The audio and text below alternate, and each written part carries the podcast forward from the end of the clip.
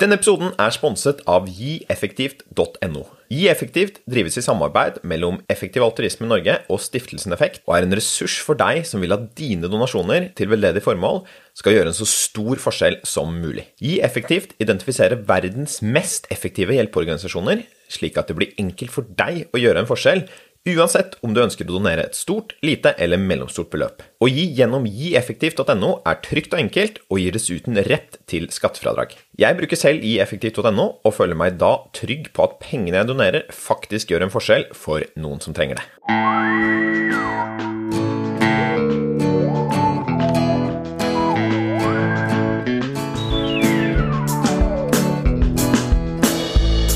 Hei alle sammen, og velkommen til Kvartlivskrise. Jeg heter Marius Jones, og dette er en podkast som handler om overgangen til voksenlivet, der jeg, sammen med gjester, utforsker hva som skal til for å leve et intensjonelt voksenliv. I denne episoden snakker jeg med Helge Svare om filosofisk praksis, og hvordan vi kan ha bedre samtaler i det daglige. Helge han er filosofisk praktiker, forsker ved Oslo OsloMet og forfatter. Han har bl.a. skrevet bøkene Filosofi for livet og Den gode samtalen, kunsten å føre dialog. Han er også ansvarlig for kurset Filosofiske, etiske og eksistensielle dialoger ved Universitetet i Oslo. Helge og jeg vi snakker om hva en filosofisk praktiker gjør, når vi bør gå til filosofen heller enn til psykologen, om tålmodighet og åpenhet til samtaler, og hvordan filosofien kan hjelpe oss å gjøre ting enda mer konkret når vi snakker med andre. Velkommen til en ny episode av Kvartlivskrise.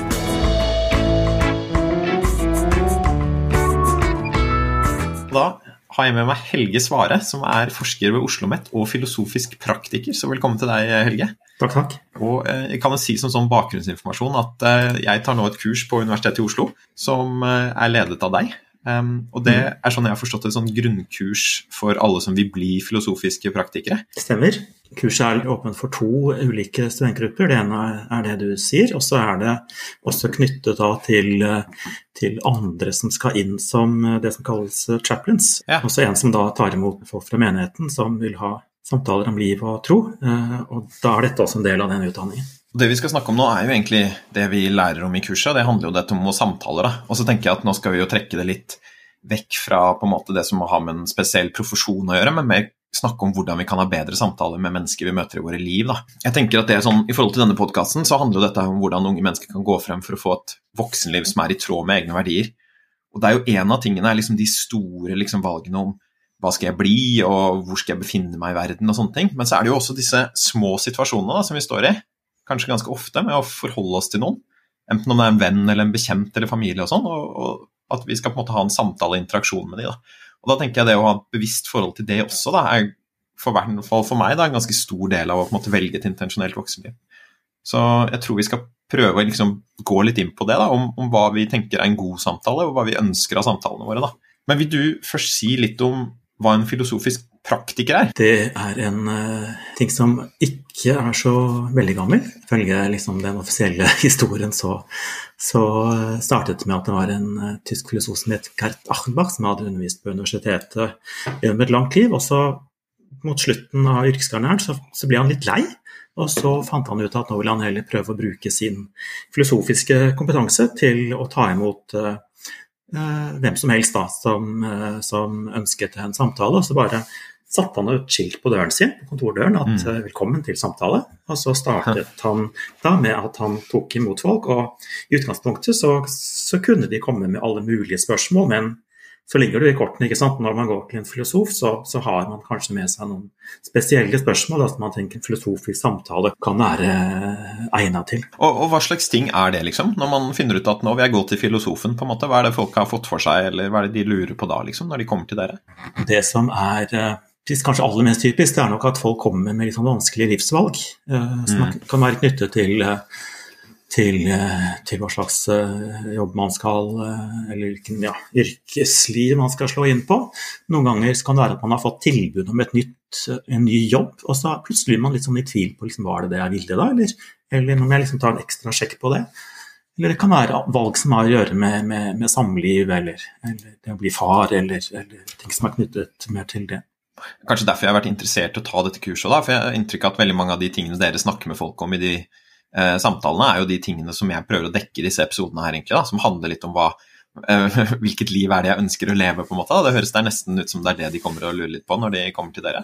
Det er sjelden de formulerer det så allment, men, men alle de spørsmålene jeg nevnte, handler jo indirekte om det. En bok som jeg har sittet og lest på nå, som jeg tror uh, fremprovoserer dette spørsmålet, det er en uh, fyr som heter Irvin Jalom, mm. uh, som skriver en del spennende bøker hvor et av temaene hans er er det filosofi eller psykologien som har mest å hjelpe oss med når vi står overfor vanskelige livsvalg, og når vi prøver å få det litt bedre med oss selv. Og um, Jeg syns det er litt sånn spennende dette med å gå til filosofen istedenfor å gå til psykologen. fordi jeg tror det er en del av de samme tingene som kanskje kan Eh, ja, skal vi si, fremprovosere da, ønsket om å gjøre det. Sånn som jeg har forstått det, da, og her vil jeg gjerne at du korrigerer min forståelse, det er at når du går til psykologen, så er de veldig ofte interessert i mennesket bak ordene. I hvert opplever jeg det med terapeuten min, at de er ikke så interessert i hva jeg sier, egentlig, da, men å prøve å på en måte forstå hva er det som gjemmer seg bak her, da, eller hva er følelsene som ligger bak her. Mens det virker som om kanskje en filosofisk praktiker er interessert i ordene heller enn mennesket, hvis jeg kan sette det litt på spissen. Jeg vet ikke hva du tenker om den, den måten å forstå det på? Bra, bra forsøk, det der. Eh, det å gå til en psykolog eh, Man kan møte ganske sånn ulike, ulike innfallsvinkler. Eh, mm. Det finnes ulike nei, psykologiske retninger, og så har du hatt den enkelte terapeuten. Han driver da virksomheten sin også litt sånn ut ifra hvem han eller hun selv er. Sånn at eh, jeg vet ikke om det, det er ikke lett, veldig lett å generalisere. Eh, men, men, det som på en måte kjennetegner veldig mange psykologer, da, tenker jeg det, det, de, særlig de som arbeider liksom med offentlig tilskudd, det er at de på en måte jobber med et slags sånn oppdrag altså I tillegg til at de har utdanning med faget sitt, så jobber de med et slags oppdrag eh, fra samfunnet om at, at altså Ideen er at folk har problemer. Det kan være i ulike grad liksom forstyrrende på på, på, livet deres, det kan forstyrre yrkeslivet deres. Og så har sånn, samfunnet laget denne ordningen for å liksom, få dem tilbake få dem liksom, tilbake i, i funksjon. Mm. Uh, og det er kjempebra, altså det, det, trenger vi i høyeste grad. Men i det så ligger det også sånn, noen føringer kanskje på at, de liksom, uh, at, at man ikke er, står like fritt, at samtalen ikke er like fri. Fordi den skal mm. på en måte et sted som er definert på forhånd. Det tror jeg, Sånn ville jeg sagt kanskje er den viktigste viktigste forskjellen, mens i en filosofisk samtale så er det ikke definert hvor man skal. Altså Alle som har prøvd det, og som også har prøvd eh, psykolog eller andre typer terapi, sier jo det at eh, den filosofiske samtalen er veldig, veldig mye mer åpen. Mm. Og at det er veldig sånn, også veldig sånn befriende at det finnes på en måte ett sted hvor man på en måte kan liksom lufte liksom hva det skal være av tanker, uten at det trenger å være liksom knyttet til at nå skal jeg bli bra igjen, eller at nå skal jeg fungere bedre. Ikke at det er noe galt med det, altså tvert imot. Eh, men det er snakk om at det er forskjellige ting, at man kan ha forskjellige interesser ved å gå til en samtale. Ok, Så det er litt sånn forskjellig hvor man skal hen, egentlig, på retningen på dette, som kanskje er det som er det største, største forskjellen. Men jeg tenker sånn, er det noen, noen du ville anbefalt å gå til en filosofisk praktiker heller enn psykolog, da, hvis jeg kan spørre på den måten her? da, og Grunnen er at jeg har hatt med en del psykologer på denne podkasten, så jeg føler at jeg på en måte framsnakket psykologien og terapien som en som et sted å gå på en måte for folk som kanskje vil eh, grave litt i dette spørsmålet om hvordan man kan få det bedre med seg selv og ta bedre livsvalg. Da. Den uh, filosofiske samtalen nærmer seg spesielt godt for f.eks. folk som står med verdivalg eller eller eh, livsvalg eh, overfor mm. vanskelige livsvalg. Og Der eh, er det jo sikkert mange psykologer som vil si at men kom til meg, så, så tar vi det også. ikke sant? Men, mm. men, men summa summarum er jo at psykologistudiet gir ikke noe spesielt liksom, bakgrunn for å liksom, håndtere den type problematikker. De lærer en mengde nyttige ting, men de lærer ikke nødvendigvis det. Altså, hvis de gjør det, så er det mer sånn Egentlig så gjør de det kanskje mer som da mennesker. Sånn, sånn, mm. Jeg er også et menneske, så jeg kan også ha den type samtaler. Det ligger mm. ikke noe i liksom, profesjonen at de egner seg spesielt, eh, eller er spesielt egnet til det. Og hvis de liksom later som de gjør det, så, så spiller de kanskje litt sånn Seiler de kanskje litt under falskt lag. Men psykologer er jo ofte veldig sånn de har veldig sånn tro på seg selv. Så de vil jo ofte tenke at eh, altså, vi kan jo dette også, selvfølgelig. Eh, og det mm. kan godt hende at de gjør det. Mm. Mens hvis du ser på hvilke fag som har eh, fått håndtert den type, type spørsmål og problemer, så er det jo filosofien som har, har liksom håndtert det, altså helt tilbake til antikken. Sånn at filosofien ja.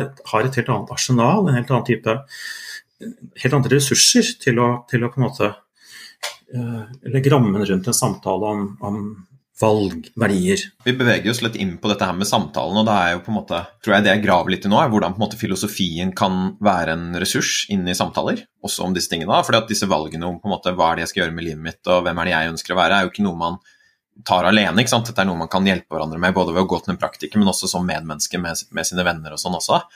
Og på hvilken måte opplever du at filosofien er nyttig for deg når du skal hjelpe folk øh, nøste i disse spørsmålene? Og Grunnen til at jeg spør, da, er jo litt det med at jeg tror mange, og inkludert meg selv i hvert fall tidligere, har hatt en opplevelse av at filosofien ikke er så veldig konkret, men at det fort blir veldig abstrakt. og øh, kanskje litt fjernt fra de på en måte nære livsvalgene som vi, vi enkeltmennesker står i. da. Så hva, hva, tenker du om det? Filosofi kan også være ganske mange ting, og man kan tilnærme seg filosofien veldig sånn ulikt.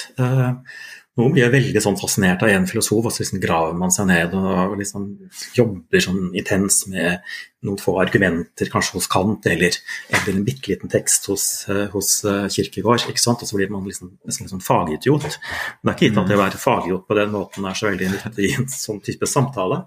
Men for meg så, så var filosofistudiet husker jeg, det var en sånn ganske sånn øh, rystende erfaring. På den, måten at, på den, måten at, altså Jeg blir veldig fort begeistret. Så, så, jeg jeg, jeg leste altså den ene filosofen etter den andre liksom gjennom pensum. Hver eneste filosof jeg kom til, så ble jeg sånn Wow! Yes! Her har vi svarene! Jippi! Ikke sant? Altså, ferdig med han. Altså gikk vi videre, og så skjedde det samme på nytt. Og så på et eller annet tidspunkt så merket jeg at i all verdens dager, hva er det jeg holder på med? Og det var der denne, denne dette liksom både det, det skjedde både et slags sånn sammenbrudd og gjennombrudd. For plutselig var det akkurat som jeg kom ut på den andre siden av noe. Hvor jeg ikke lenger var sånn at jeg liksom tenkte at én teori ga meg sannheten eller svaret, eh, mens de andre var feil, men noe mer, mer med at eh, sannheten eller svarene de liksom svever litt sånn rundt mellom alt dette. ikke sant? Og så ja. følte jeg at jeg hadde fått en ny type sånn frihet, nesten. Hvor jeg ikke lenger var bundet av liksom ideen om at jeg måtte liksom feste meg ved liksom én posisjon eller et perspektiv. Eh, akkurat den erfaringen tenker jeg. Jeg tror man kan få det på andre måter også, men den tror jeg er, er spesielt nyttig også i, i, forhold til den type samtaler vi snakker om nå. Og da at du liksom kan, Hvordan da på en måte trekke på ulike filosofiske teorier da, for å på en måte kaste lys på de problemene vi står i? Er det på en måte sånn det ser ut da? Liksom at, sånn at jeg kommer til deg og legger fram et problem og sier at nei, nå kjenner jeg f.eks. at Uh, av og til så er jeg ikke så fri som jeg ønsker. på en måte. Jeg føler meg liksom fanget i livet mitt. Og ville du sagt da på en måte at ja, om frihet så sier Kant det, og Nietzsche sier det, og på en måte Kirkegård sier det, liksom? Er det, er det sånn det på en måte foregår, hvis jeg nå skulle nøstet i en sånn, sånn ting som det? Eh, det, det, kunne, det, kunne, jeg gjort, men jeg tror ikke jeg ville liksom startet der. Og når jeg kom hele denne, denne, lille, denne lille historien min nettopp, så handler det ikke så mye om det heller, men det handler mer om å få en slags sånn frihet i forhold til mm. at, man, eh, at, man, ikke for fort liksom lander et sted, men liksom holder tenkningen åpen, liksom. En, en, mer sånn tilstand, kanskje, enn et resultat. Eh, liksom, som til dels kan være liksom ligne litt på det som i filosofi kalles skeptisisme. altså Det der med ikke, liksom, ikke liksom for fort eller tro at man liksom skal finne et svar, men heller liksom bli værende i tvilen. Mm. Eh, og det ligner på det som også kalles for undring, da, som, som, er mye av det mm. samme. At man ikke man liksom holder ting litt sånn åpent. En ting jeg blir nysgjerrig på, er at når det, alle disse perspektivene kom da, fra disse filosofene gjennom ditt studie, og du ble sånn rystet, som du sier, mm. skjedde det mye med atferden din? Var det for at du på en måte begynte å gjøre andre ting, eller tilnærme deg mennesker eller på en måte jobben din eller livet på, på liksom annerledes måter, som følge liksom av et skifte i ideer, da, eller inspirasjon fra ulike ideer? Jeg tror noe av det første jeg la merke til, eh, var eh, en slags ensomhet. Eh, alt, er, alt, mulig er på godt og vondt, ikke sant? det er ikke sånn at mm. dette bare er fantastisk. Den ensomheten gikk på det at når jeg da møtte venner familiemedlemmer som da på en måte kom og så var de liksom litt begeistret for noe. Altså, så, så, skjønte jeg på en måte nå at der, i dette så har de liksom funnet sannheten. Så da gikk det liksom at jeg kunne på en måte ikke helt liksom sånn heie på dem, eller liksom sånn ja, okay. være del av den, der, den begeistringen på samme måte som før. Fordi jeg hele tiden tenkte at jaha, ja, så dette, dette sånn tenker du nå, men uh, bare vent om et par år, så kanskje du tenker noe helt annet. Litt sånn liksom, liksom det, det, brakte inn en slags distanse. Det var, men det var det første. Og det andre jeg tenker er en konsekvens, ja, det er kanskje også litt sånn at det blir litt sånn ensomt. Det er at når jeg liksom er med på diskusjoner, også på jobben, eh, snakker med kollegaer der, eh, så er det noe med at eh, jeg liksom alltid, alltid er liksom alltid liksom har lyst til å stille et spørsmål til, og et spørsmål mm. til. Det er som at Jeg mm. godtar på en måte ikke liksom at vet vi nok nå, da liksom kan, vi, kan, vi, trekke en konklusjon på bakgrunn av dette og ikke liksom vite mer. Mm. Og da merker jeg at, eh, at, på en måte, noen ganger så kan det fungere bra. altså Det blir en slags sånn boost eh, i samtalen, men, men, vel så ofte så merker jeg jo at folk blir irritert med meg. Litt utålmodige. Ja. Ikke sant? Så det, nå høres det ut som jeg kanskje driver og liksom disser den filosofiske holdningen, men, men, eh, selv om vi eh, liksom i vår tid da, veldig ofte er sånn at vi, liksom, vi heier på filosofi og syns filosofi er kult. Og, og, når jeg forteller folk at jeg er filosof uh, av utdanning, så blir de ofte veldig sånn ah, så stilig. Ikke sant? Mm. Men, men, gjennom hele filosofiens historie så ser vi også at filosofene understreker Eh, også dette med at filosof, filosofen lett blir litt ensom. Hm. Og jeg tenker jo Hvis vi går tilbake til den som jeg opplever kanskje var den originale eh, filosofiske praktikeren, så var jo det kanskje Sokrates. da. Og han, han ble jo opplevd som utrolig slitsom og strevsom. og han, han, var ikke så poppis, han, på en måte, når han gikk rundt med alle spørsmålene sine og tvilte på det folk holdt på med. Nei, nå, nå eh, er jo historien om Sokrates liksom helt spesiell, fordi han ble da dømt av en folkedomstol til å til enten, enten, han kunne velge mellom eh, landsforvisning eller, eller, eh, døden, så valgte han døden. Mm. Og Det er jo ikke så mange filosofer i Norge i dag som liksom opplever det akkurat, men, men, men, jeg tenker litt på det der med altså det, der, det at han ikke uten, man ikke uten videre blir populær. Ja. Og det jeg tror, er, jeg tror, det er, noe i det, da. Men det er klart at eh, det er mye mer enn det jeg sier nå, fordi etter hvert så liksom lærer man seg eller jeg da, tenker at jeg har lært meg mer og mer liksom, håndtere dette. sånn at I begynnelsen så var det mer kanskje litt sånn krast.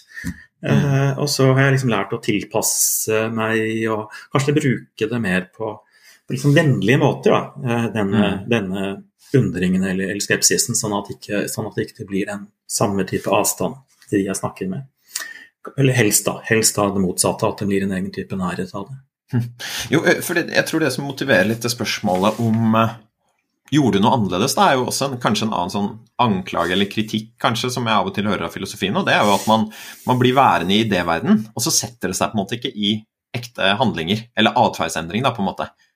Og, og i, i, så måte da, så høres det ut som at liksom, hvis du kommer til en filosof da, med et spørsmål om skal jeg gjøre det eller skal jeg gjøre det, liksom undersøker liksom livet sitt, da, og hvis det blir med ideen og på en måte man ikke foretar seg noe annerledes som et resultat, da, så for min del da, så ville det talt på en måte imot å gå til en filosofisk praktiker. Og jeg merker jo også det av og til når jeg snakker med noen terapeuter, så mener jo de at jo, jo, man kan holde på med sånne her ideer liksom, og snakke opp og ned om de, men du må på en måte engasjere følelsene dine, eller det må, det må, skje noe på en på et annet plan da, enn idéplanet hvis det faktisk skal være til nytte for noe. Og når vi snakker nytte her, da, så mener man på en måte at det gjør en forskjell enten for hvordan man oppfører seg, eller hvordan man på en måte forholder seg til livet så opplever du hvordan, Hva slags ideer er det måte, som har påvirket dine livsvalg, og, og hvordan du forholder deg til tilværelsen din? Hva som er nyttig, det er jo eh, det er et skikkelig innfløkt spørsmål. Fordi nyttebegrepet i seg selv er så, så mangetydig.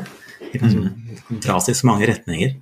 Um, men gjør en forskjell, helt klart. Og jeg vil også si noe sånn eh, når jeg ser tilbake, at dette er noe jeg aldri, aldri ville liksom vært foruten. Så nå som jeg liksom har, har sett hva det er, eh, hva det gjør med deg, så, så, så er det noe på ingen måte noen gang ville liksom gi opp eller, eller ha, ha, valgt annerledes i utgangspunktet.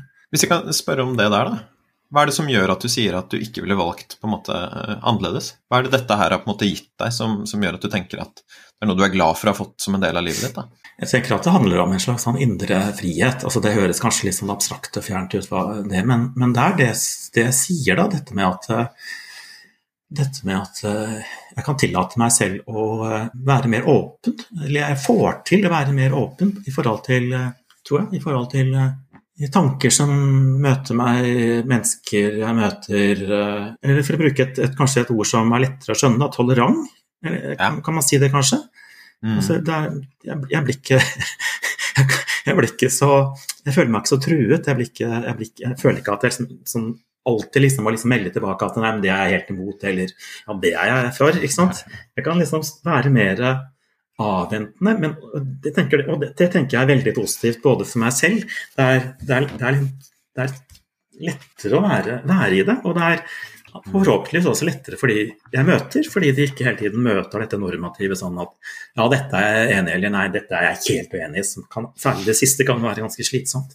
Jeg har en, mm. en sånn gammel venn som, som, er litt sånn, en gammel ML-er, eh, og han, han har veldig mange andre gode egenskaper, og derfor liker jeg han. Men, men, eh, men akkurat det der med dette, dette veldig sånn normative, det, det syns jeg er litt sånn slitsomt. At han liksom hele tiden skal liksom ta stilling til ting, og enten fordømme det fordi det er liksom altfor kapitalistisk eller, eller, noe sånt, eller så er det liksom bra da fordi det er uh, rettferdighet og solidaritet. Det er ikke det at det er noe galt i å ha den type normative men, men, det, men, det, er liksom måte på ting, da. ikke sant? Og det, det, mm. bør kanskje ikke alltid gå så fort.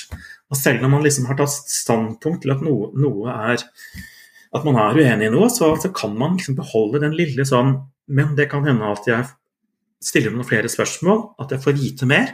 Så kan det hende at jeg da endrer synspunkt. Og bare mm. den lille der tenker jeg gjør at, at det, er, det, blir en sånn, sånn frihet, da, både for deg selv og, og for andre. Jeg syns det er et bra svar, det der. Også. For dette er jo litt sånn, På en måte så leter jeg etter et sånt svar sånn Ja, har du nå på en måte valgt å selge alle tingene dine og dra ut på en seilskute, eller har du blitt vegetarianer, eller er det sånn at du nå på en måte Jeg vet ikke eh, Har valgt at du skal bare være i åpne forhold resten av livet, på en måte. Da Man kan jo se for seg at det er sånne ting ikke sant, som også kommer ut av å, eh, å være filosof, da, på en måte, å, studere tankene til, til andre og, og, begynne å stille spørsmålstegn ved, ved liksom, hvordan vi har valgt å gjøre det i vårt samfunn. Men her høres det mer ut som Jeg vet ikke om jeg kan kalle det et sånt eh, mi, mange mikrovalg, da, på en måte, for dette er jo mer et sånt valg eller en måte du forholder deg til Det høres ut som du forholder deg til de liksom små tingene som skjer, på en måte. Det å liksom være i interaksjon med andre. Så jeg, jeg vet ikke, er, gir, gir, det mening, sånn som jeg på en måte beskriver dette her forskjellen med liksom det store livsvalgene og mer den der holdningen å møte livet med? da? For at nå mm. får jeg litt følelsen av at dette virker å ha beveget deg mer på det siste. Mm. Jeg tenker jo at det, den holdningen jeg beskrev, det er noe som, eh, som liksom samfunnet og tiden vår liksom trenger desperat. Eh, mm. Fordi, fordi det, det, som faktisk skjer, at eh, i hvert fall kanskje ikke så mye i Norge, men litt i Norge også, men kanskje særlig andre steder, at, at det, vi er inne i en sånn ekstrem polarisering hvor, hvor liksom det blir vanskeligere og vanskeligere for liksom medlemmene på hver av polene eh, til å skjønne hverandre. Det er studier fra USA for eksempel, som viser at, eh, som viser at eh, ikke bare at man ikke forstår de som liksom står på den motsatte politiske fløy, men man vil helst ikke bo i nærheten av dem. Man vil ikke at barna siden skal gifte seg med noen som, som mener noe annerledes. ikke sant? Så det er, mm. det er ganske voldsomme ting på gang.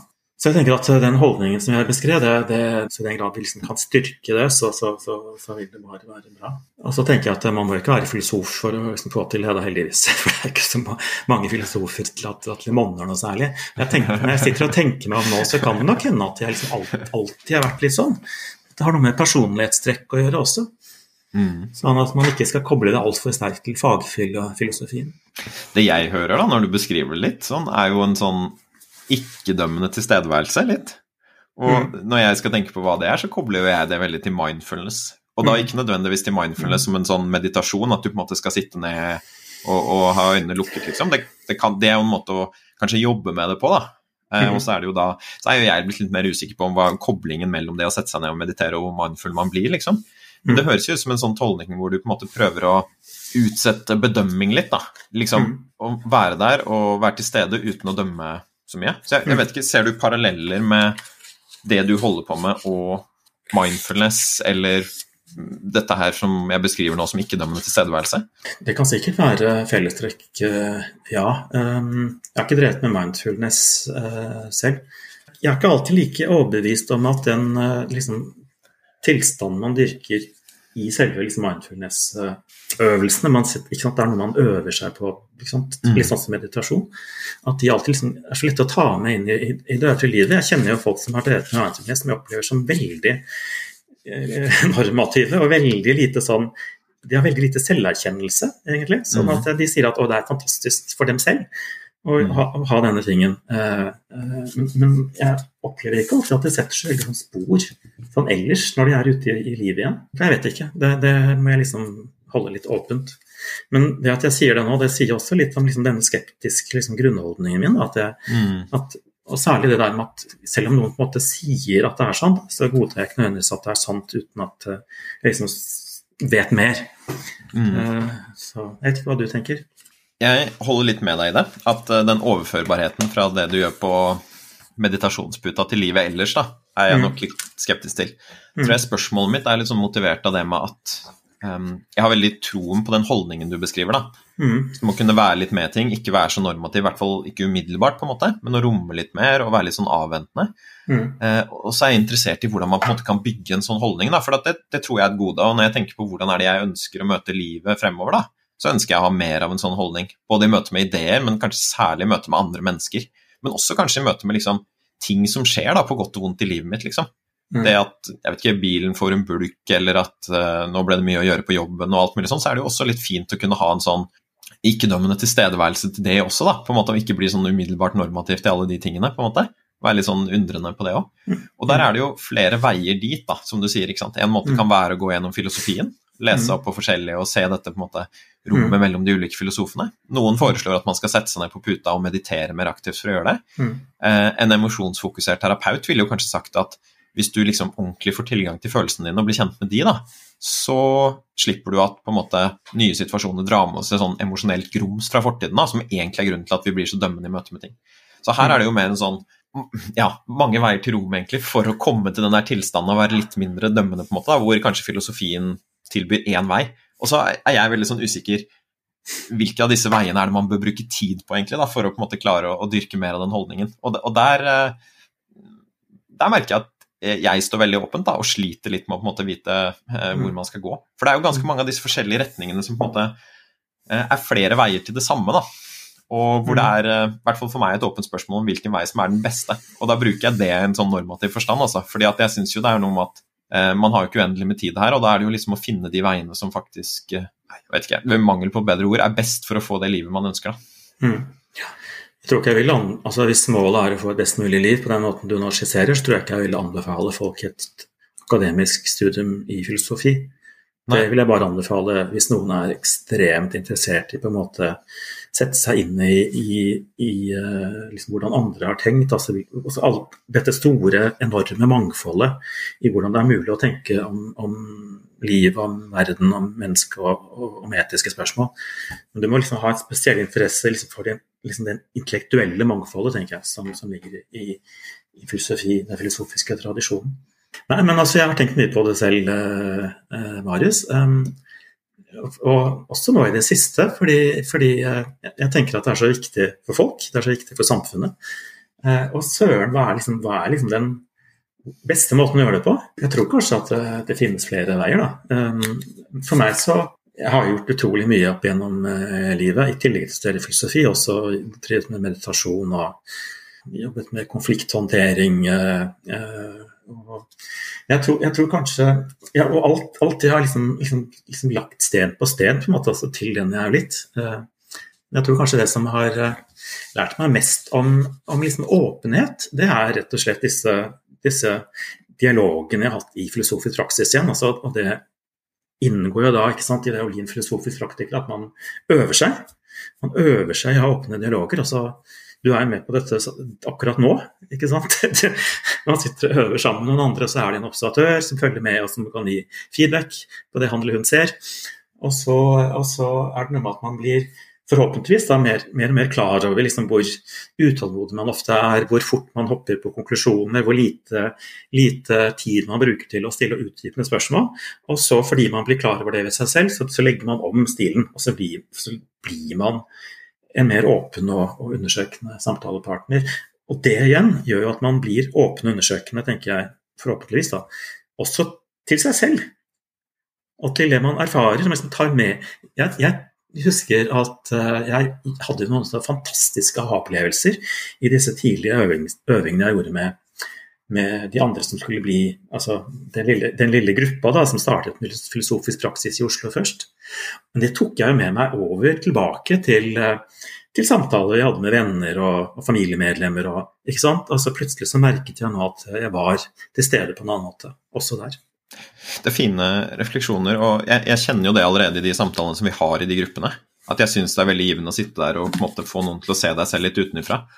Også bare det å kunne snakke om hvordan er på en måte samtalen mellom oss. da. Det er jo veldig sjelden man gjør det i en, på en, en vanlig samtale. til jeg spør sånn, hvordan, hvordan var egentlig dette, eller hvordan opplever du den samtalen som vi er i nå? Mm. Og så syns jeg kanskje det er særlig interessant dette med at den åpenheten man kanskje har til seg selv, og åpenheten til andre, kan bli litt sånn et speilbilde av hverandre. De, mm. de, de, tror også på det som jeg opplever at du sier med at de følger hverandre litt. Eh, mm. Eller følger hverandre ganske sånn, eh, sånn likt oppover. Mm.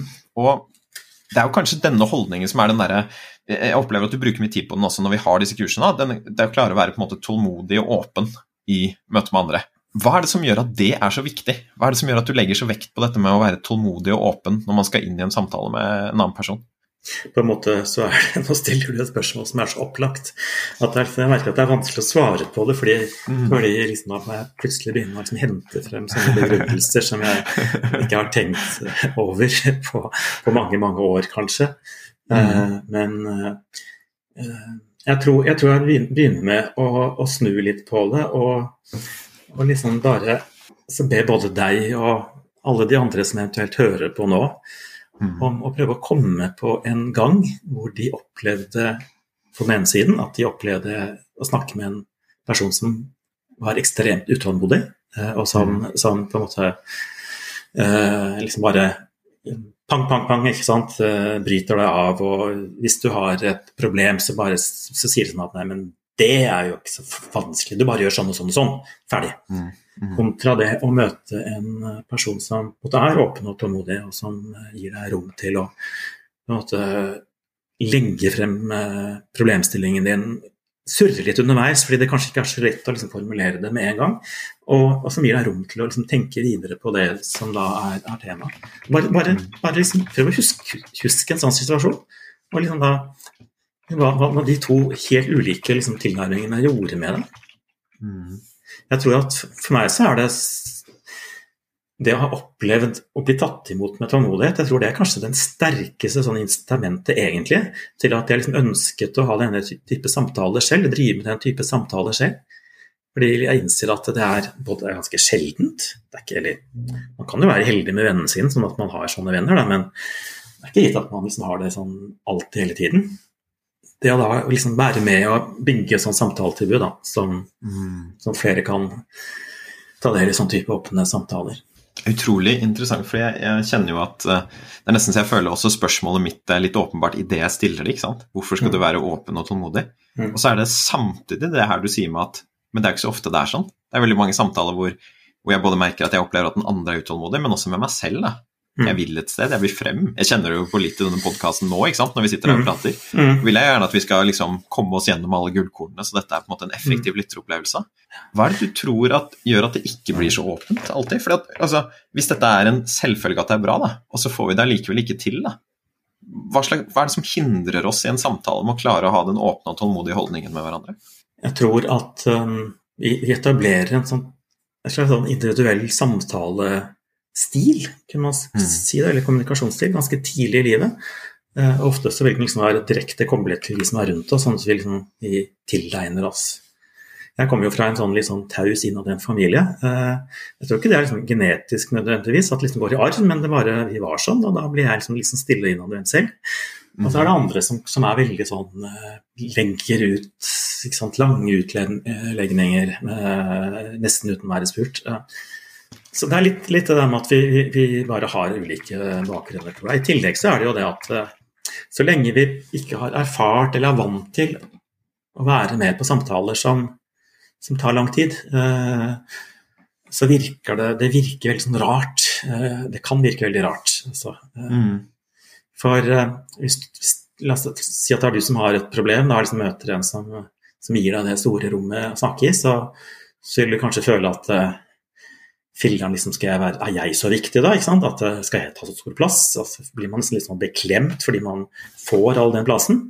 Kanskje det er noe med den protestantiske sånn beskjedenhetskulturen vi har i Norge Altså, ikke sant? Vi skal ikke ta så mye plass.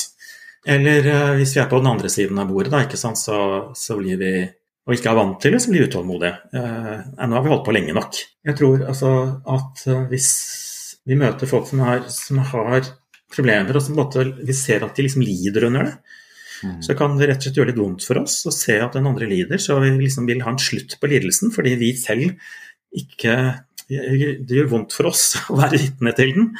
Så, så, det kan være en grunn. At vi liksom prøver å bli fort ferdig med noe bare liksom av ren sånn egoistisk egeninteresse.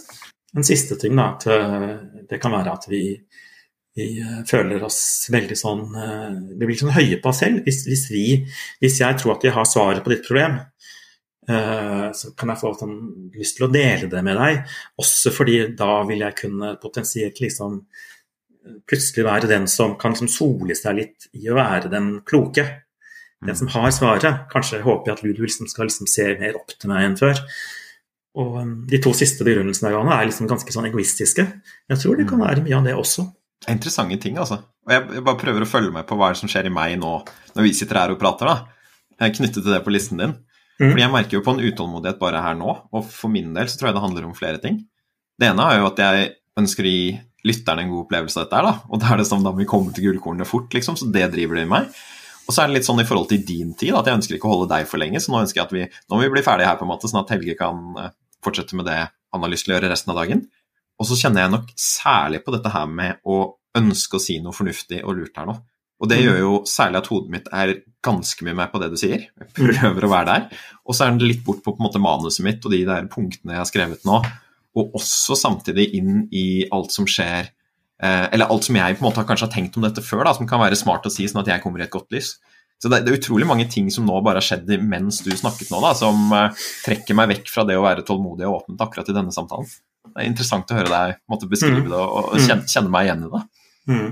Det er en italiensk filosof som jeg nå ikke kommer på navnet på, jeg er ganske dårlig til å huske navn, men som skriver om hvordan, hvordan liksom kulturen vår liksom dyrker Vestlig kultur dyrker på en måte talen mer enn en tausheten. Mm. Eh, fordi det er gjennom talen man får respekt, det er gjennom talen man liksom vinner en posisjon, får beundring fra de andre, forhåpentligvis, hvis man sier noe klokt. Du ser liksom i alle, alle, alle i, i lang rekke sånne roller, det å være lærer, det være prest, sånne tradisjonelle autoritetsroller i samfunnet vårt, har mm. alltid handlet om å snakke. Det, jo mer posisjon du har, jo mer får du lov til å snakke uforstyrret. Så det å liksom ja. plutselig bli stille, bare høre etter, det er liksom boi! Metaforisk sett da, så liksom plasserer du deg liksom helt motsatt ende av skalaen. Mm. Og det, er, eh, det, kan være både skremmende og kan virke lite attraktivt. Det er noe, eh, ok, det er en veldig spennende måte å se på. da, for Hvis vi spør liksom hvorfor, hvorfor er det krevende da å være være tålmodig, er at det er liksom en lavstatusgreie, kanskje, gjør det? Du signaliserer på en måte at du er, er lavere status enn man kanskje ønsker. Ifølge, liksom, mm, ja. ifølge, henne så, så, er det sånn. Eh, jeg tror ikke det er helt gjennomgående, men, men f.eks. Jeg var med, jeg, satt, jeg var med i ledergruppa på jobben min i fem år. Jeg satt og var med på sånne lederdiskusjoner. Og da merket jeg jo det liksom, hvor, hvor, hvor, hvordan liksom alle liksom, hele tiden liksom kjempet om å liksom få snakke. Og jeg som da satt og tenkte at nei, jeg, liksom, jeg, må, jeg, må, vite mer før jeg kan si noe. Jeg kan ikke si noe før jeg liksom har skjønt dette.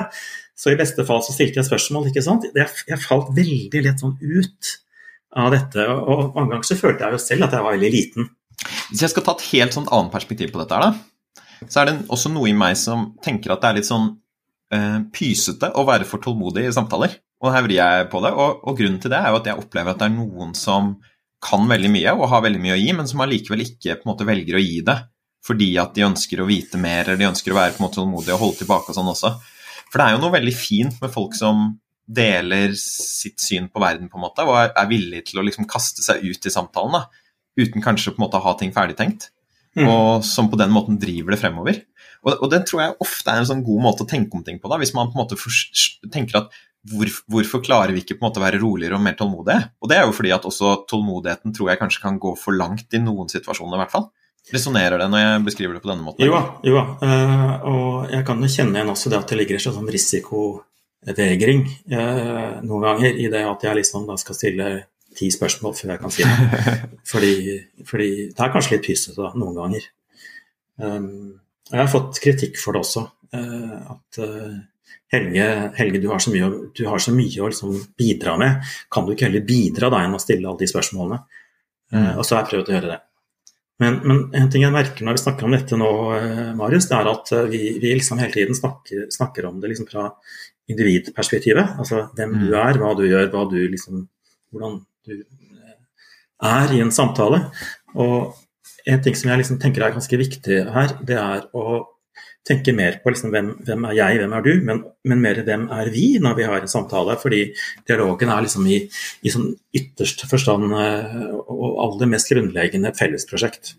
Mm. Uh, derfor er det også sånn at det er vanskelig å få en god samtale hvis ikke du har de, andre, de andre med deg.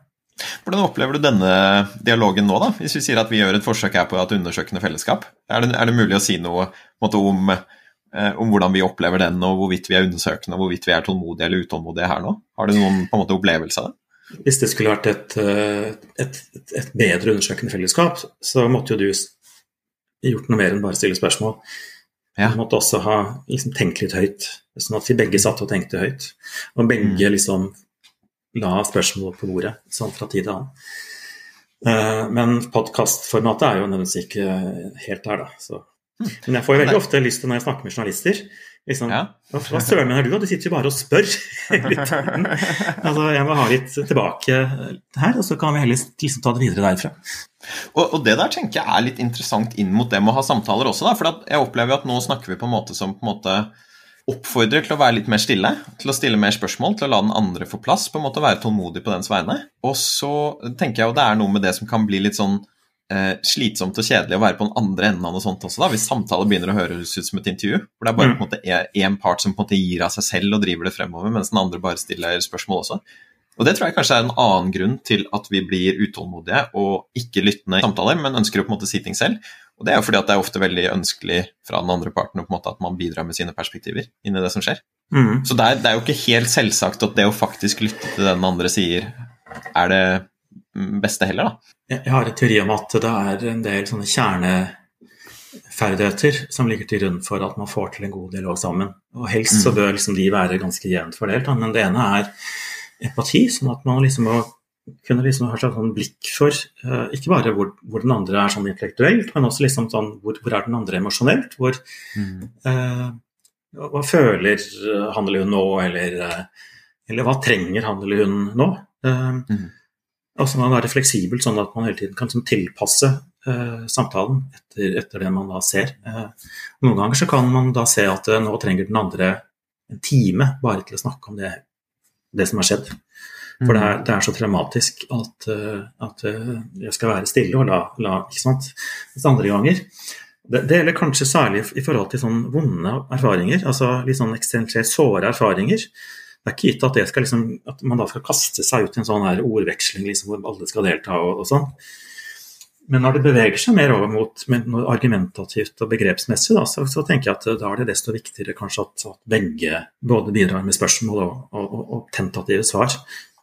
Jeg tenkte å gå litt sånn videre. Nå har vi jo snakket egentlig mye om denne holdningen av åpenhet og litt sånn hva som, hva som ligger i sånn filosofisk praktikum. Og så har vi jo egentlig touchet på, på hva en god samtale er, uten å egentlig vært så eksplisitte med det.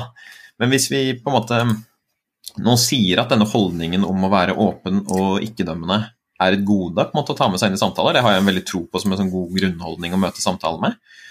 Hvordan ser det ut når du er på en måte åpen og eh, liksom undrende i samtaler. Og her tenker jeg liksom å beskrive litt sånn hva slags spørsmål er det som på en måte kommer da? Hva er det du gjør? på en måte? Er det noen sånne samtaleteknikker liksom, som kan hjelpe oss med å, å, være det overfor andre? Det er jo noen teknikker. Eh, mange av dem er ganske godt kjent også. ikke sant? Det er dette med åpne og lukkede spørsmål, f.eks. Mm. Eh, et åpent spørsmål er et spørsmål som ikke bare kan besvares med ja eller nei. ikke sant? Så så det er Et veldig sånn bra åpent spørsmål som man eh, kan minne seg selv om å bruke, det er jo Kan du si mer om det? Ja, mm. hei, er interessant. Få vite mer. Eller ja, ikke sant. Eh, bare til å være stille. Eh, noen ganger så er det sånn sant, at det kommer en pause i samtalen, og så er det som man er så vant til ikke sant, at når det blir en pause, da, det jeg, da kan jeg hoppe inn. Men liksom, la den pausen passere. Ofte så vil det være at den andre bare sitter og tenker, og så kommer det noe mer. Mm. Etter at han eller hun har fått tenkt seg, tenkt seg om. Eller så, eller så ja, På dette kurset som du går på, så driver vi og liksom eksperimenterer litt med spørreord. Det kan virke veldig sånn teknisk og banalt, men sant? jeg mm. tenker at egentlig at det er uhyre interessant. Fordi ordene er liksom de viktigste redskapene for tanken. Ja. Ord er ikke bare ord, de er også på en måte de åpner for ulike sånn, aspekter ved tenkningen vår. Jeg vil bruke et ord som 'hvordan'.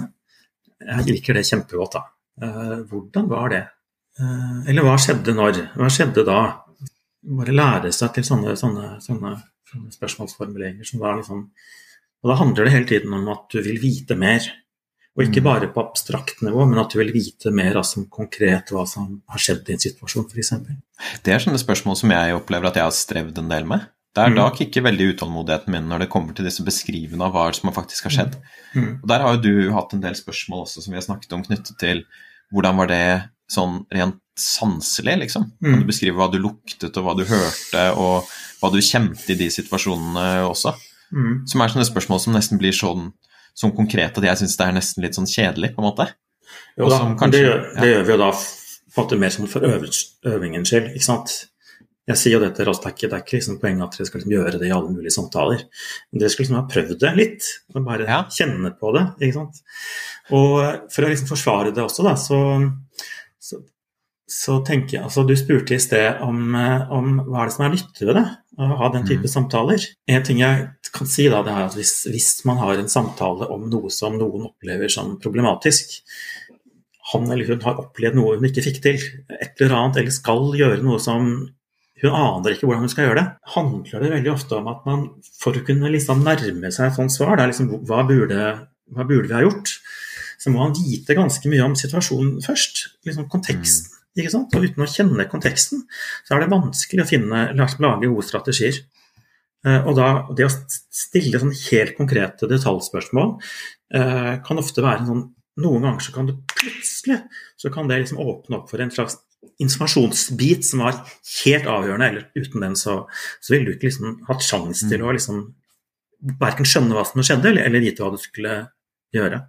Og bare som et lite eksempel, da, så hadde hadde et prosjekt på, på en flyplass med sikkerhetspersonellet, hvor de skulle ha sånne kollegasamtaler for å snakke om vanskelige situasjoner de opplevde i, på jobben sin. Og så var det en som da beskrev en sånn vanskelig situasjon som, hvor, han hadde kommet helt til kort. Og så liksom fortalte og fortalte og fortalte, og de andre stilte spørsmål. De holdt kanskje på 20 minutter. Og så på et eller annet tidspunkt altså skal man begynne å diskutere hva slags håndteringsstrategi man kan liksom ha i den, det tilfellet.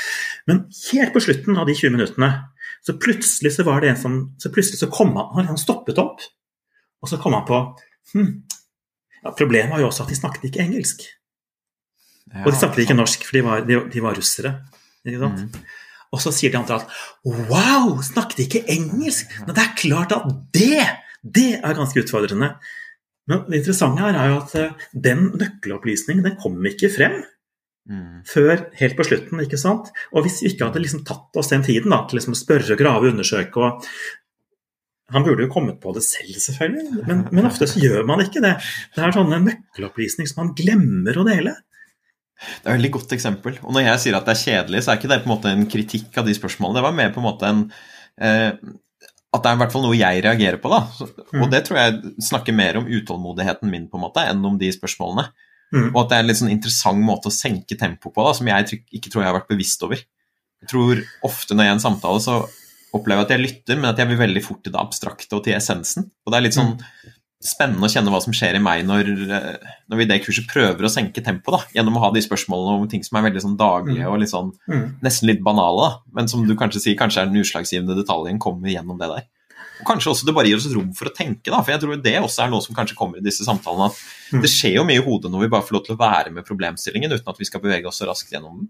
Men jeg tenker at eh, i tillegg til det jeg sa om at det gir status å snakke i vår Mhm. kultur, det tror jeg er riktig. Mens det, det er mindre status knyttet til det å liksom lytte og være, stille spørsmål. Så, så gir det altså altså Jeg tror vi har liksom vokst opp i en veldig sånn akademisert kultur. Det kan Mhm. høres sånn rart ut, da, for det er jo ikke så mange som går videre og tar akademiske studier sånn alt, alt i alt. Men jeg tror at hele kulturen vår likevel er liksom gjennomsyret av en sånn akademisk eh, verdisett, som handler om at eh, det å tenke abstrakt er bedre enn å tenke konkret. Mm. Altså, vi vil hele tiden opp liksom, vi vil hele tiden opp til det generelle og abstrakte. Altså, helt, helt, selv små barn, eller ikke barn kanskje, men sånn ungdommer. Jeg hadde en sånn samtalegruppe med 14-åringer en gang. De var helt, særlig gutta, var helt ekstreme. De ville liksom rett opp og komme med sånne, sånne bombastiske, generelle utsagn. Og da liksom satt de og så så de seg rundt, liksom. Hørte dere hva jeg sa nå, eller? Var jeg ikke flink? ikke sant? Akkurat som de, de liksom eh, fisket etter, etter anerkjennelse da, gjennom å liksom være abstrakt og generelle. Og Er det også noe du tenker at kjennetegner da samtaler som på en måte mm, som du opplever som givende, at de er mer konkrete? Det er liksom, og, og, det er en del av denne tålmodigheten å prøve å på en måte være litt mer jordnær i, i samtalen med folk?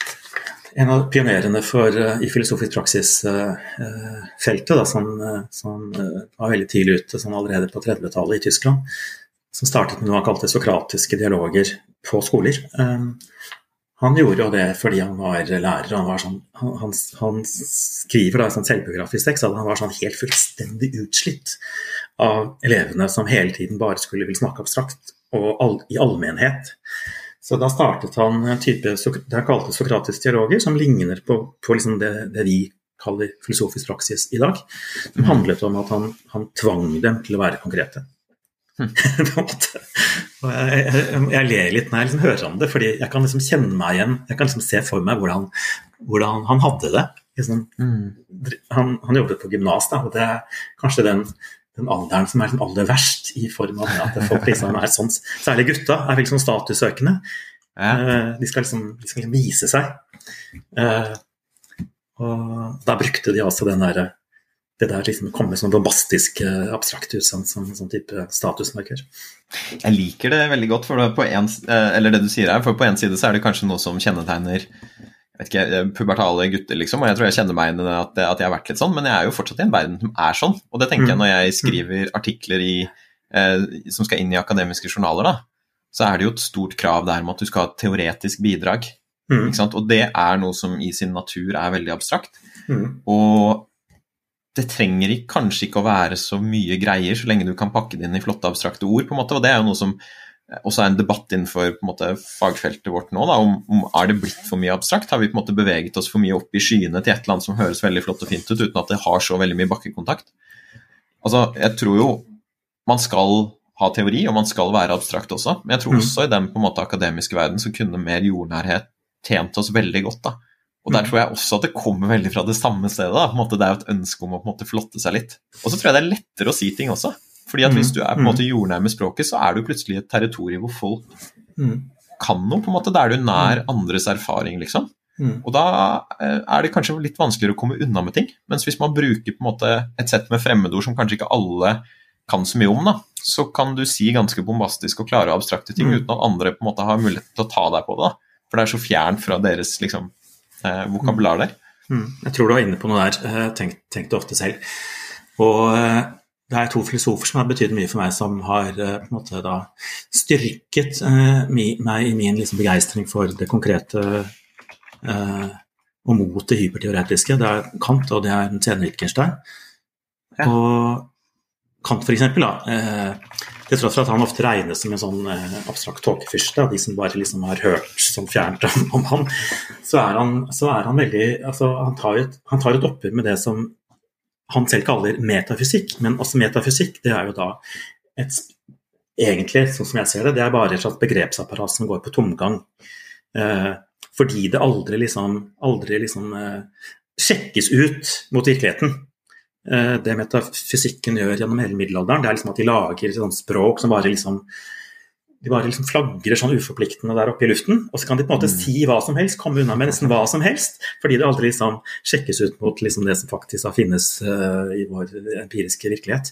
Og Wittgenstein mm. snakker om språk som går på tomgang, eller han snakker om språket som forhekster forstanden. Ja. Og det er liksom det samme, da. Det er språk som bare liksom surrer og går.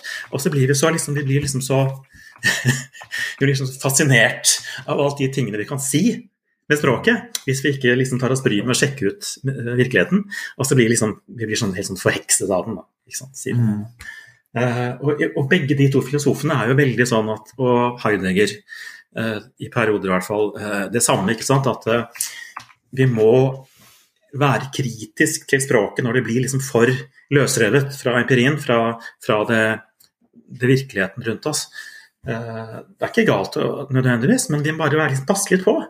Og så må vi liksom hele tiden liksom sette foten i bakken. Da? Det er det som ligger i idealet om en hypotetisk deduktiv metode i naturvitenskapen. Eh, og jeg tenker at det også bør liksom gjelde all, all tenkning. Da. At vi liksom hele tiden Ja, men stemmer det, da? Med det jeg kan se eller det vi erfarer, eller Jeg opplever at en del filosofer er ganske gode på dette faktisk. Eller altså, det er noen sånne jeg, tror man lett kan tenke på filosofien som kanskje den profesjonen som er mest oppe i skyene, på en måte, og, og, eh, og har minst på en måte kontakt med virkeligheten, sånn sett utenfra. Jeg tror jeg tenker nok det på en del også. Jeg ble litt sånn overrasket når du sa Kant, f.eks. Mm. Men uh, en del av de som, som vi leser for dette kurset, f.eks. en Nussbaum, på en måte, artikkelen, mm. mm. hun skriver jo om følelser på en måte som er befriende jordnær, og som jeg ikke ønsker var mer til stede i en del av den organisasjonspsykologien som jeg ofte leser. Mm. Og når hun snakker om f.eks. sånne følelser som vurderinger, da, så kobler jo hun det til en veldig personlig historie som gjør at det blir veldig klart hva det egentlig betyr. da. Mens mm. hvis man bare bruker disse ordene på en måte uten den bakkekontakten som hun har, så svever de litt der uten at man egentlig får tak i hva de betyr. Og så kan man snakke om sammenheng mellom disse begrepene som flyr oppe i på en måte, himmelen her. da. Mm. Men man blir jo ikke noe klokere av det hvis du sier at på en måte, det er en sammenheng mellom to begreper som du ikke klarer å på en måte feste i en virkelighet. da. Så har du jo egentlig ikke lært noe som helst. Så det er jo noe veldig det er måte noe teoretisk interessant ved det konkrete også, da? Eller det, måte, det er da du begynner å kunne snakke om noe, måte, mm. um, sammenhenger som egentlig interesserer oss, på en måte. Det må jo være igjen noe mellom fenomener som mm. uh, Eller mellom ting som fins i virkeligheten, da, hvis det skal på en måte være noe interessant å, å lage noen teori rundt det også, egentlig. Og der tenker jeg at uh, Nussbaum er, uh, er et forbilde for meg i hvert fall. Fordi mm. det er jo ikke bare det at hun liksom drukner i historiene, i, i de biografiske historiene. Hun bruker også mye litterære eksempel. Hun drukner ikke i dem, men hun bruker dem systematisk til å bygge opp uh, teorier. ikke sant? Men teoriene liksom tiden, Du merker hele tiden at de, liksom, de er jordet.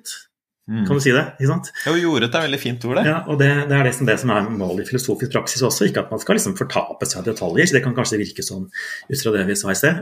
Men, men hvis man bruker en metafor, da, så, så er idealet at man skal pendle mellom de teoretiske, unnskyld, det abstrakte og det konkrete. Sånn at og man begynner gjerne i det konkrete for å liksom ikke liksom for fort liksom spore av. Uh, sånn at tenkningen er ordentlig sånn grunn, jorda, ikke sant? og så kan man begynne å sant, eh, reflektere, som handler om at man tar et skritt til siden mm. og ser det enten ovenfra eller utenfra. Og så trekker man inn kanskje da ulike, ulike deler av filosofihistorien Samme slags sånn type, type sånn posisjon som man kan liksom se på det konkrete med. Gå, jeg, jeg, tror dette er sånn sunt når man driver Det er sunt mange steder. Det er sunt i mitt fagfelt når jeg skal drive og forske selv, og det er nok sunt når man skal snakke om krevende spørsmål. Så tror jeg det er veldig sunt i mer sånn daglige samtaler også, og kanskje også på jobben. For det er jo ikke bare akademikere som er skyldige i å bruke avansert språk. da. Jeg opplevde det også som på en måte konsulent at uh, mm. der er det også veldig mye sånn nye begreper som, som, blir veldig trendy og flotte, på en måte, og så er det litt, mm. litt vanskelig å gjøre de innimellom. Mm. Og for å trekke det litt sånn til samtaleteknikk, da. Hvis du er i en samtale og tenker at ok, her kunne vi med fordel vært litt mer jordnære, nå driver vi og flyter opp i skyen her, på en måte. Hvordan er det det ser ut da at du tar tak i på en måte det i en samtale? Og her vil jeg på en måte egentlig lage en litt sånn Segway til det som heter mm. det med å metasnakke i samtaler. da. Mm. Men si at du, du, står i en samtale og opplever at oi, nå er vi oppe i skyen. Mm. Hvordan ser det ut når du forsøker da å ta det ned, hvis du gjør det? Altså i, uh, Hvis uh, jeg har eh, en filosofisk eh, praksissamtale, og en person kommer og for og sier at eh, jeg vil snakke om frihet, jeg er veldig opptatt av frihet. Eller jeg er veldig opptatt av rettferdighet. Og så, og så liksom ville, Hvis ikke jeg hadde liksom gjort noe da, så ville samtalen veldig fort liksom ha liksom startet på det helt generelle nivået. Liksom, rettferdighet er et veldig generelt eller abstrakt begrep. Ja. Men da spør jeg, da spør jeg typisk liksom, ja, hva er grunnen til at det spørsmålet er viktig for deg? Ja. Har det skjedd noe? Er det noe du har opplevd? Er det noe du har sett? Lagt merke til? Ikke sant? Og da er vi liksom straks uh, nede i, i, i, det personlige og det livet mm. som, som, gjesten da på en måte kommer, kommer til deg fra. For dette er jo noe dere også snakker om, det med å definere og analysere begreper, og det er jo egentlig litt det du gjør der. Mm. For der kan man jo tenke seg at det å definere et begrep handler jo om å komme med en sånn formell definisjon, da. Og det var vel mm. ofte det på en måte Sokrates gjorde også når han holdt på med dette her. Men så her så høres det ut som at når du snakker om å liksom forstå et begrep, så er det egentlig å gjøre det. Vil du, vil du si det? Er det en likhet det? At liksom det du prøver å gjøre egentlig når du snakker om et begrep, er å liksom trekke det fra på en måte skyen, da, som på en måte abstrakte begreper i sin natur er, da, og bare liksom la det få bakkekontakt? Eh, jeg tror at eh, jeg har et litt sånn eh, litt sånn nominalistisk syn på begreper, hvis du, hvis du sier det nå. ikke sant? Nei, at, at, at uh, begrepene er mer en slags sånn merkelapper eller, eller, sånn pekere Mm. De er ikke så veldig mye i seg selv, men de peker på ting. De gjør det mulig for oss å liksom trekke, noen, trekke et skille og si at det er rettferdig, det er urettferdig. Mm. Men det vi snakker om, er alltid konkret. Sånn at, sånn at ordene de hjelper, bare, de hjelper, oss egentlig bare å sortere erfaringer. Mm. Eh, hvis du skjønner. Og, mm. Eller gå inn og se på erfaringen liksom innenfra. Eh, men det er, det, det er, hele tiden erfaringen som er interessante. Det er ikke begrepet i seg selv. Det er det, det vi liksom kan se når vi ser på virkeligheten med begrepet som en sånn uh, peker. Så. Ja, ikke sant? Og, det er det som jeg tror vi når vi driver organisasjonsforskning kaller det å være på en måte fenomendrevet eller en begrepsdrevet også. Mm. Yes. Fordi et fenomen så prøver man jo på en måte egentlig å være i noe som, mm. noe som skjer i verden, på en måte, noe du kan mm. nesten gå ut og peke på, mens, uh, mens, når du er på en måte begrepsdrevet, så er du litt mer oppe i skyen. Så nyttige begreper, det er begreper som liksom gjør det mulig for oss å se klarere det som faktisk er like utenfor, eller liksom rett rundt oss hele tiden. Det er ingenting som er så nyttig som en god teori, er det en eller annen eh, teoretiker som har sagt. Og det, jeg, jeg, har aldri funnet ut akkurat hvem det er, fordi det blir tilskrevet veldig mange forskjellige. Men, men, jeg tenker at det er riktig. Fordi, og det, hvorfor er det nyttig? Jo, det er fordi det liksom hjelper oss å sortere og liksom, uh, se på erfaringen liksom, liksom innenfra. Da, altså se hva, hva erfaringene faktisk inneholder. En sånn annen, Nå merker jeg at jeg er sånn utålmodig, så nå flyr jeg gjennom alle sånne mm. tingene mm. som er for liksom, av sånne teknikker. da, Men mm. en ting som jeg opplever som veldig givende med et kurs, da, og særlig når vi sitter i disse gruppene og har dialoger sammen, er jo dette her med å øve på metasnakk. Mm. Som jeg synes har, Og, og metasnakk så er det jo på en måte å ha en samtale om samtalen. Og, og det syns jeg er en veldig nyttig ting som på en måte er litt sånn klein liksom, å gjøre. Mm. og jeg tror det er derfor vi kanskje unngår det litt i sånn vanlige samtaler. Vi, vi har liksom forventning om at det bare skal flyte på en måte av seg selv, og at det er litt sånn rart hvis vi må stoppe opp. Men så opplever jeg nesten alltid at det er givende når jeg begynner å gjøre det. Og en måte som jeg husker vi har brukt litt i de samtalegruppene, er jo på en måte å invitere hverandre til å gå steder hvor det kanskje blir litt mer personlig enn en annen retning. Og så kan på en måte mm. den som sitter på den andre parten da velge liksom, hva er det de som er komfortable med. på en måte. Så si på en måte nå er jeg interessert i dette, men jeg er også interessert i dette. Hva, hva er det du vil? på en måte? Vil du si litt om på en måte ditt syn på bruk av sånn metasamtale i, i gode samtaler? Jeg tenker at Vi må forklare at uh, metasamtale hva det er for noe. Det var, jeg vet ikke om det var helt tydelig. At det er et, et, det, Man stopper litt opp tar liten mm. pause fra det man snakker om, og så delvis så ser man tilbake. Liksom, hvordan har vi greid å snakke om dette på en ålreit måte så langt? Og så ser man litt fremover. Hvordan skal vi snakke om det videre?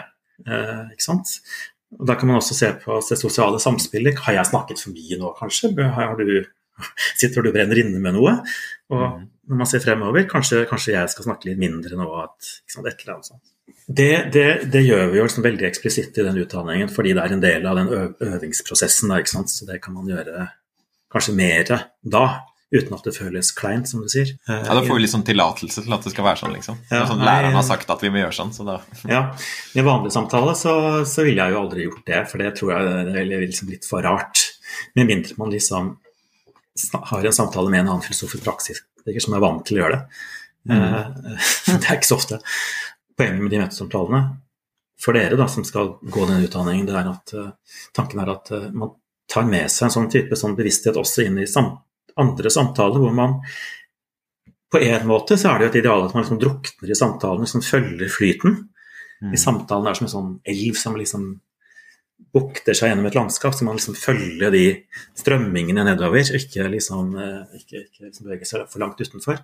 Men samtidig eh, så skal man, hvis man følger, fortsetter metaforikken, kan man også liksom være en bitte liten fugl som flyr over det hele, og som ser ned på elven ovenfra. Den der lille splittelsen, da. ikke sant? Man ikke liksom er bare i elven.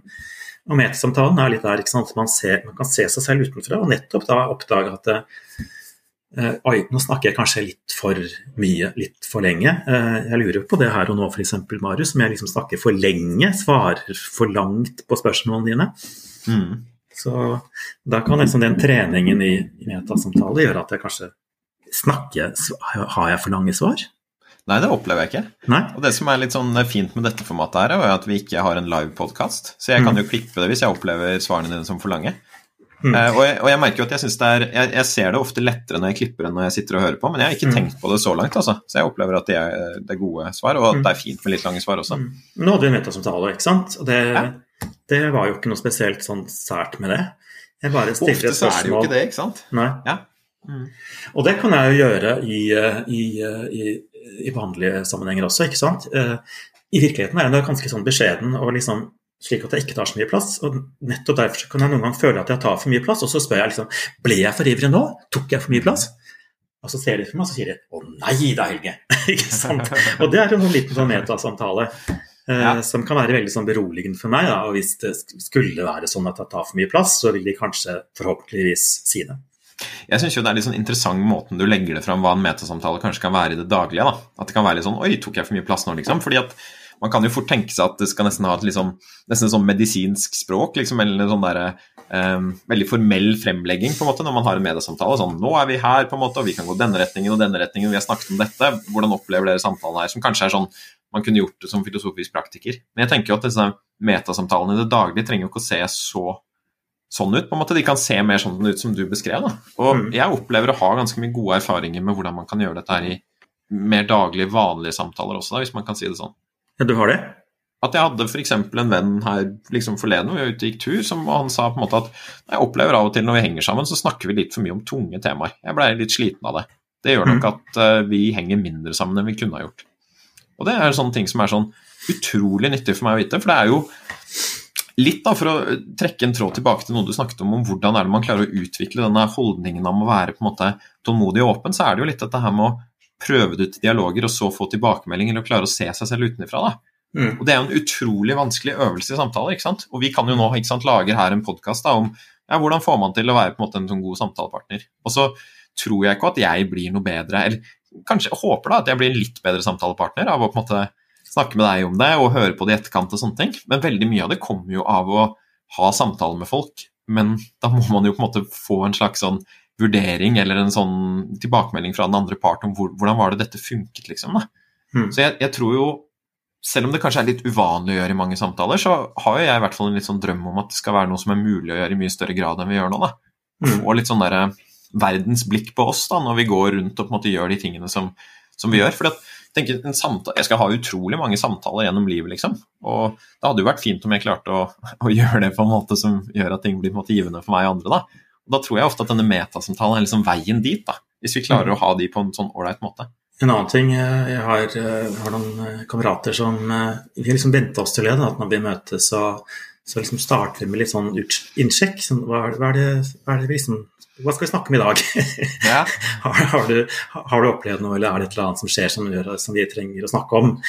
Uh, og det syns jeg selv er veldig sånn, sånn oppklarende. Da, sånn, sånn, det, liksom, det, det, rydder opp litt sånn innledningsvis. Ja. Og ofte så kommer det opp ting også som kanskje ikke vil komme opp like fort.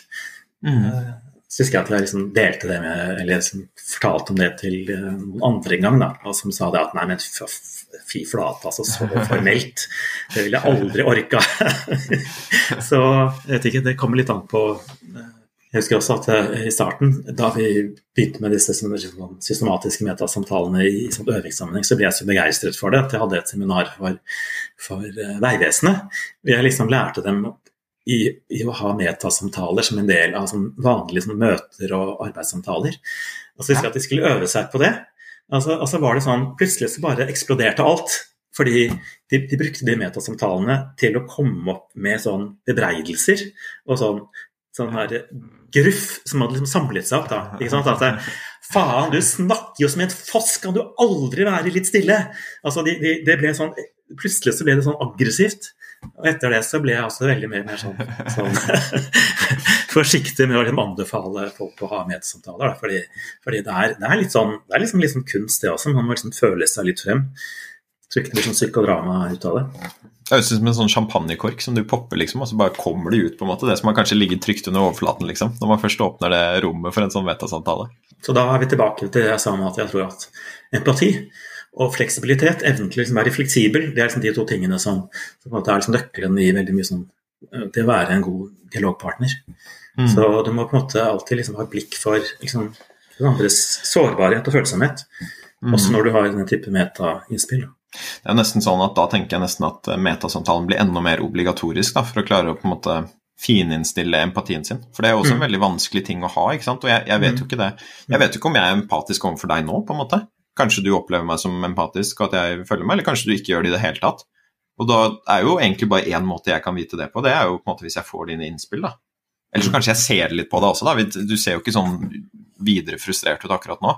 Så jeg er kanskje sånn høvelig på nett, men, men jeg vet jo ikke, da, før, før, jeg spør på en måte om Opplever du meg som empatisk i denne samtalen her? Eh, jeg opplever at du er en god spørsmålsstiller. Mm. Først og fremst. Mm. Det er det som er jobben din. Akkurat nå så er det det, ja. Mm. Vi snakker nå liksom om måte, hvordan man kan ha gode samtaler. Vi har vært innom veldig mange av de tingene som jeg tenkte vi skulle være innom i en sånn her podkast. Mm. Er det noen ting som du tenker at du har lyst til å si, eller som vi burde snakke om når det kommer til dette temaet? Uh, nei, jeg tror uh, igjen, altså Hvis jeg skal gjenta noe jeg allerede har sagt, da, fordi jeg tenker at det er såpass uh, viktig, så er det noe med at god samtale er i veld, veldig grunnleggende måte et fellesskapsprosjekt. Det er noe man mm. gjør sammen, det er noe som man gjør som et vi. Sånn at man kan ha alle mulige ambisjoner. og liksom, Jeg vil være en god dialogpartner for mine venner eller familien min.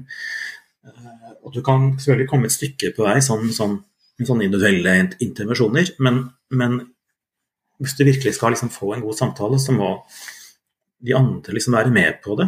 Altså, mm. Du må ha noe, noen å spille ball med, eller spille på lag med. At det er, eh, er noe man liksom skal liksom være litt klar over, da, tenker jeg.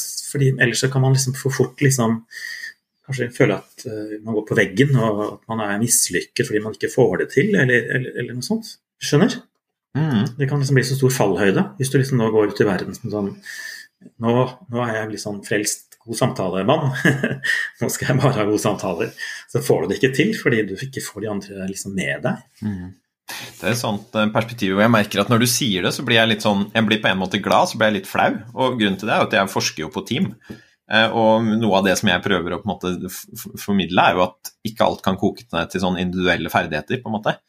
Men at det er ganske mye som skjer i en gruppe når vi kommer sammen med andre, da, som er avgjørende for hvordan det går med oss. Som ikke handler om på en måte hvem er enkeltbrikkene i denne gruppa, men som handler mer om normene vi klarer å danne oss. da. Mm. Uh, og så er det jo morsomt da, at jeg allikevel, når jeg går inn i denne samtalen her, så, så kommer jeg inn med individfokuset mitt. på en måte, Spør hvordan kan jeg som en enkeltperson gjøre det.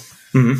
Og så blir jeg sånn Ok, hvordan danner man normer for å ha samtaler på en viss måte i grupper? da? Og, og der blir jeg jo igjen da returnerende litt til denne her metasamtalen. da fordi at Hvis du skal liksom ha med deg andre mennesker på noe, så må du enten selektere mennesker som er på en viss måte, eller så må du på en måte sette deg ned og prøve å være litt bevisst med hvordan, hvordan er det vi ønsker å ha det her hos oss. da. Mm. Og Er det liksom det du på en måte ser for deg når du, når du sier vi skal klare å bygge dette her som en sånn sosial greie og ha det i gruppa vår? At du på en måte setter deg ned sammen med de menneskene som du vil ha gode samtaler med, og sier at hvordan ønsker dere at vi skal være med hverandre? Hva ønsker dere at vår relasjon skal være fylt av? på en måte? Hvordan ønsker dere at vi skal samtale? Eller eventuelt bare komme og foreslå at, at du, nå har jeg hørt på en podkast med, med, en som heter Helge Svare her, og han sa sånn og sånn, liksom.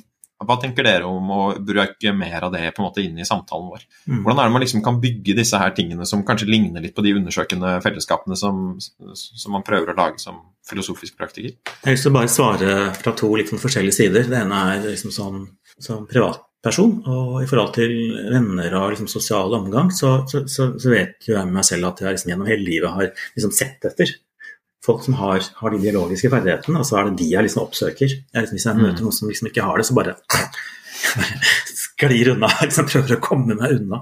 Uh, og, det, sånn kan man gjøre, ikke sant? og det tenker jeg er helt legitimt. Uh, på en profesjonell sammenheng på jobben, uh, så, så, er det ikke helt sånn, da. Da må du litt mer sånn jobbe med det du har. mm. Og da er det jo jeg, altså Det er et vanskelig spørsmål det du stiller. og Hvis du er teamforsker, så vet du kanskje mer om det enn, enn jeg gjør to, kanskje to svar der også. Det, det, ene er eh, at det er veldig veldig mye å si også hvis du har jobbmøter, da, f.eks.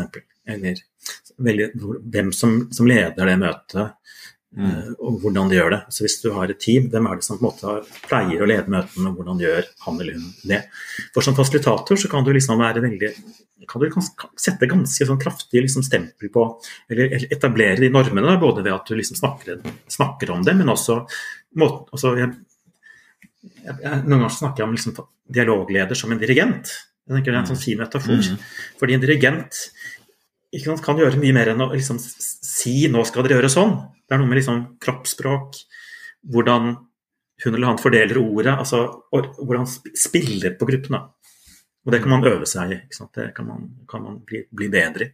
Og hvis man ikke er det, da, så er det, så er det ikke så lett. Jeg har vært i møter jeg, det, det, har vært det er, altså Noe av det mest sånn, frustrerende jeg har opplevd i livet, tror jeg, det er å være i møter som er dysfunksjonelle. Og Hvis ikke jeg selv er dialogleder, så kan jeg liksom gjøre så mye. Jeg kan liksom av og til liksom prøve å ha sånne møtesamtaler og si at du, eller på slutten av møtet ja, 'Dette syns jeg ikke møtet var så bra', liksom bla, bla, bla.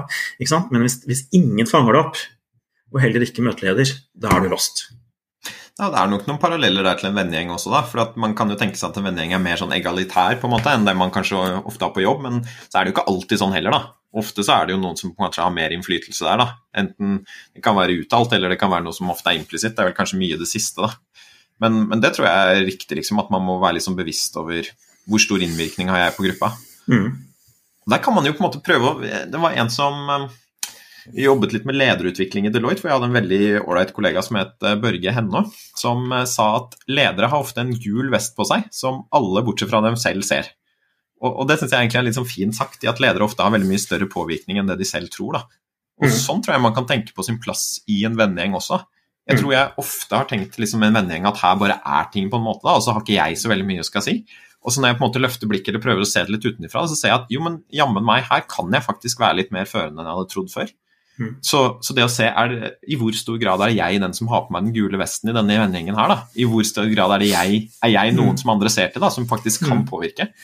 For mm. jeg tror min sånn gjetning her da, er at folk har mer de skulle ha sagt for hvordan man gjør ting, enn det de selv tror.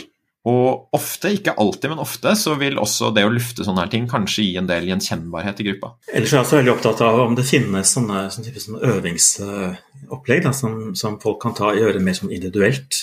Mm. Eh, eller at man kan gjøre med de ansatte på en arbeidsplass.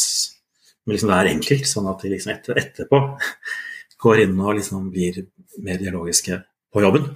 Ja. Og jeg er jo en, en organisasjonspsykolog. Vi prøvde å utvikle sånn kurs en gang, som vi kjørte i flere omganger. Men, men jeg har, har, truffet noen av de som vi hadde det kurs for etterpå. Og en av dem sa sånn at åh, det var, det var en sånn åpenbaring, og det bidro til at jeg fikk et så mye bedre forhold til mannen min. Men på jobben så var det like, like mye bråk som det alltid hadde vært.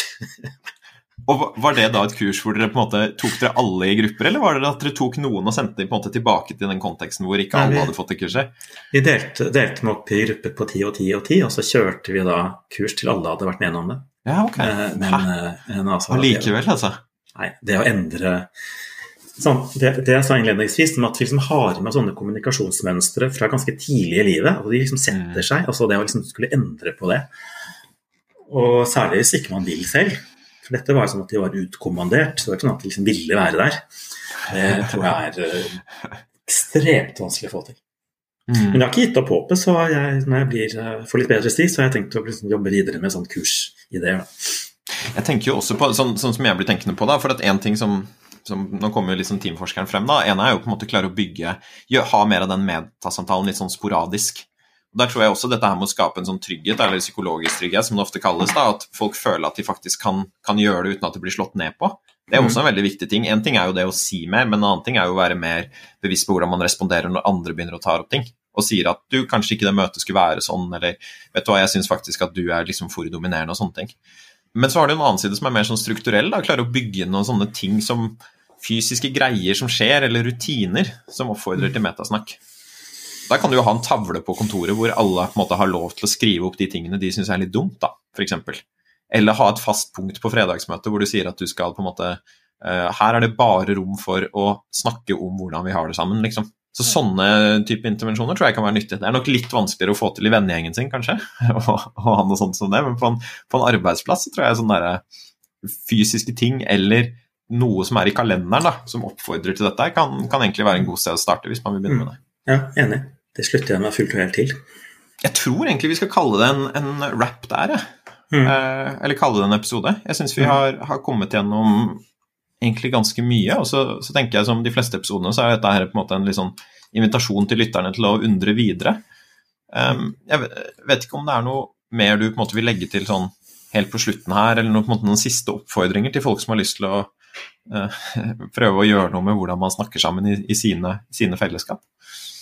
Nei, ehm, jeg vet ikke hvorfor jeg hele tiden kommer tilbake til dette med at uh, man må minne seg om at dialogen er et sånt fellesskapsprosjekt. At man ikke mm. har liksom sånn begrenset uh, makt eller, eller sånn innflytelse som enkeltmenneske. det er noe med liksom de ambisjonene eller forventningene man går inn i dette feltet på. Da.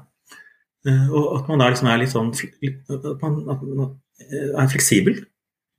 Eh, som jeg sa innledningsvis, eh, at fleksibilitet er en sånn dialogisk ferdighet. Sånn at man tilpasser seg de, de situasjonene man, man, man, er i, og liksom har et ambisjonsnivå ut ifra det. Hvis det er et, et middagsselskap, og så er det en person som bare sitter og liksom har monopolisert samtalene og liksom bambler i vei sånn, sånn som, det, som jeg har opplevd. Liksom. Ja, da er det sånn det er. Okay. Uh, men jeg prøver å gjøre det beste ut av det. Uh, og, og, liksom altså, altså ja, uh, analysere liksom, situasjonen før man liksom Særlig hvis det er liksom i fremmedsituasjoner hvor man ikke er, er, så kjent, før man liksom har altfor sterke ambisjoner om liksom, hva man selv skal liksom, bidra med eller få til. Um, Ellers så er det jo det at sånn som jeg, jeg sa jo at uh, i vest, vestlig kultur så er det antageligvis mindre status knytta til det å liksom være stille eller å stille mm. spørsmål, enn det å liksom svare og ha liksom sannheten. Men det ligger veldig mye makt i det å liksom være en god spørsmålsstiller. Da, det er det som, som jeg overlevde i veldig mange sosiale sammenhenger. Jeg er, noe, jeg er, liksom ikke noe god til å liksom dosere eller fortelle og liksom holde folk i ånde fordi jeg har så mye spennende å dele. Eh, så da er min styrke det er å liksom da sette meg ned med én og én om gangen, liksom sidemann på middagsselskap, og liksom, liksom stille litt sånn åpne spørsmål og få den andre til å snakke om seg og sitt. Og så kommer det kanskje en åpning da, hvor jeg kan Ja, hage, ja, du drikker, drikker med hagebruk? Ja, men det er jeg òg. Kan vi snakke om stauder, f.eks. Men det er, noe med, det er noe med å ikke stille for store krav til seg sjøl, som, som, jeg på en eller annen måte hele tiden kommer tilbake til. Mm. Som, så jeg tror, uh, I tillegg til at vi liksom er altfor normative og utålmodige, så tror jeg ofte vi altså De, de av oss da, som blir litt sånn idealistisk anlagt, kan også veldig sånn, stille for store krav til seg selv, og så går de liksom på stadig sånn smelter, da, fordi de, ting er ikke så lett å få til. Ah, jeg synes den, den, føyer seg veldig godt inn i liksom den der holdningen inn i samtaler. Altså. For jeg, jeg, tenker jo det er noe litt av det samme. da. Det å være tålmodig med samtalen er jo også litt å være tålmodig med seg selv. på en måte. Og at eh, det, det, er jo noe jeg kjenner på nå som jeg har gått etter kurset, ikke sant? skal inn i vanlige samtaler, og nå skal det skje ting. For nå skal jeg på en måte lyse på dette her med alle mine gode spørsmål og mine lytteferdigheter og sånne ting. Og det bidrar jo bare til ekstra utålmodighet, ikke sant. Så jeg tror jo dette her, det, jo, det blir jo litt sånn et speilbilde med det som skjer i rommet, og tålmodighet med seg eller tålmodighet med det som skjer i samtalen, og tålmodighet med seg selv, da, kommer jo også mm. til å speile hverandre litt, liksom. Man mm. må jo faktisk eh, eh, klare den tålmodigheten innover også, hvis det skal bli noe greier ut av det. Mm. Jeg syns det var en, eh, en, super avslutning. Ja. Tusen takk for at du var med i podkasten, Helge Svare.